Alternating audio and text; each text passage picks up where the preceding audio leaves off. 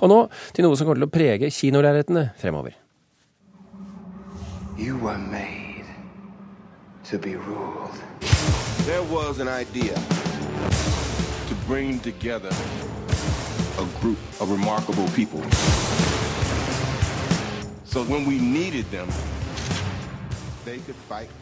Superheltene i The Avengers slår nemlig alle rekorder, og oppnådde i helgen tidenes beste åpningsresultat i USA, med innspilte 200 millioner dollar. Og dette er bare starten på en kinosommer spekket med superhelter, romvesener, science fiction og fantasy. Og de tre filmene under Avengers som har åpnet best, er alle hentet fra det samme universet. Harry Potter, Batman og Spiderman. Birger Vestmo, filmanmelder her i NRK og i Filmpolitiet, altså på P3. Hva forteller dette oss? Det forteller oss først og fremst at Hollywood er flinke til å gi oss akkurat det vi vil ha. Nå er vi midt inn i en steam av superhelter og fantasy på kino, og det er klingende mynt i kassa til de filmselskapene som treffer blinken riktig. Og det er nok derfor vi får så mange av disse filmene akkurat nå. Men hva er det med oss som gjør at vi søker til eh, eventyret? Nei, Det er tøffe tider. Det er økonomisk krise, det er klimaproblemer, det skjer ting i nyheter. Vi, vi, trenger rett og slett eskapisme, og der er superhelter og fantasy og eventyr et veldig godt middel for den som vil komme seg litt ut av uh, hverdagen. Og nå er jo ikke det et nytt fenomen. altså Superhelter og eventyr har vi sett på kino til alle tider, men uh, vi har kanskje et ekstra stort behov for det nå, og mange av disse filmene er veldig effektive til å få oss vekk fra hverdagen og inn i fantasiens verden for et par timer, og det kan være veldig godt uh, av og til. Så du er med andre ord ikke så overrasket over at The Avengers gjør det så bra? Nei, jeg er jo ikke det. Nå må vi også tenke på at eh, The Avengers har hatt en eh, ganske lang eh, reklameperiode i form av egne filmer for mange av disse figurene i The Avengers. Altså, vi har sett to Iron Man-filmer. Vi har sett en Thor-film regissert av selveste Kenneth Branagh. Og vi har også fått Captain America. Alle disse filmene har gått bra på kino.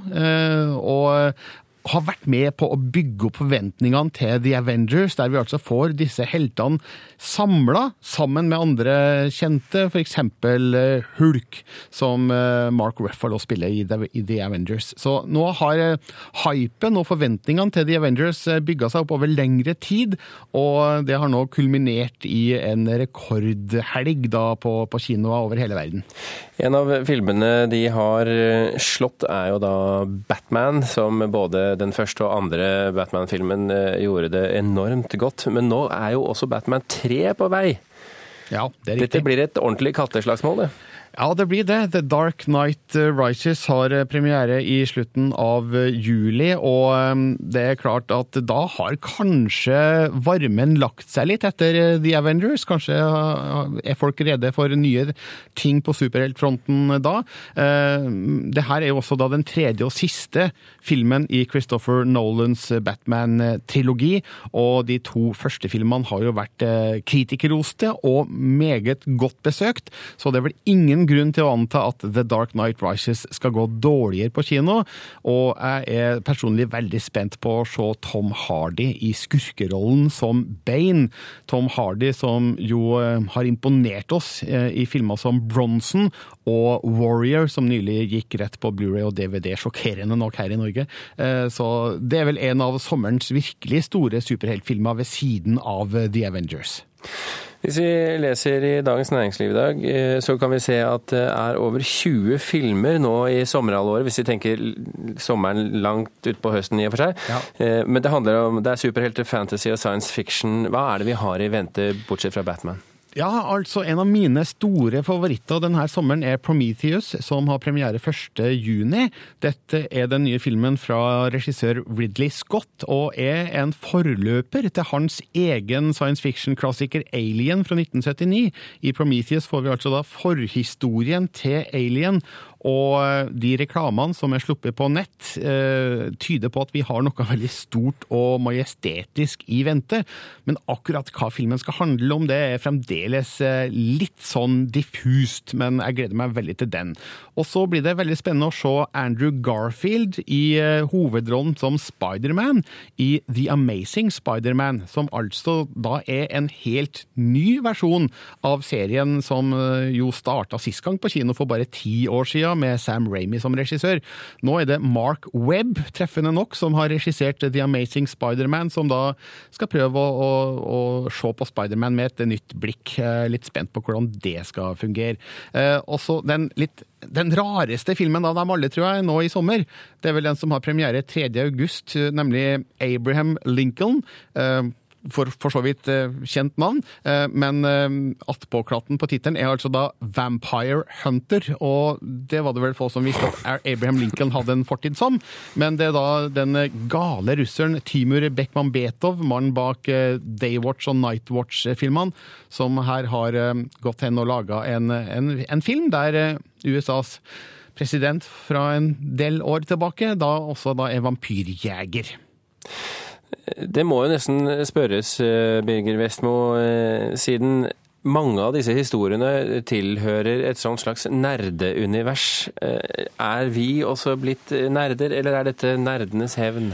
Ja, det er vel nerdenes hevn, nærmest, tror jeg. Altså, det som er mm, faktum her, er at mange av disse, skal vi kalle dem nerdene, da, eller tegneserieinteresserte, eh, de har blitt voksne, og de har blitt filmprodusenter og filmregissører og skuespillere. Og eh, det er nok mange som går i barndommen her for å realisere sine gutte- og eller jentedrømmer. Eh, det er nok en hovedårsak til at veldig mange av de gamle tegneseriefigurene nå blir filmatisert. Men det er nok også da mest fordi dette har vist seg å være sikker business for Hollywood. Er det noe Hollywood elsker, så er det klingende mynt i kassa. Og um, når superhelter viser seg å, å være noe som drar folk inn i kinosalene, så får vi garantert se mer av det. Og um, den uh, steamen vi er inne i nå, den tror jeg vil vare en del år til, altså. Før uh, eventuelt det blir et opphold på et tiår, og så kommer superheltene tilbake igjen. Det er en evig syklus, det her, som uh, jeg tror vi vil se en, en, en del varianter av. Det skader vel heller ikke at dette er Eh, rollefigurer som eh, lar seg fort gjenskape i et sånt slags spin-off-produktunivers? Nei, det er klart. altså Går du i en lekebutikk i dag, så, så ser du jo alle disse superheltene i, i, Lego og Duplo, jeg vet ikke, alle slags mulige lekevarianter. og Du får dem på matbokser og håndklær. og Det er klart, eh, man kan faktisk tjene mer på spin-off-produkter enn man kan på selve billettinntektene. Det er klart at dette er et stort stort og eh, lukrativt marked som eh, de store filmselskapene eh, ikke har råd til å gi slipp på. Birger Vestmo fra Filmpolitiet i P3, tusen hjertelig takk for at du var med i Kulturnytt.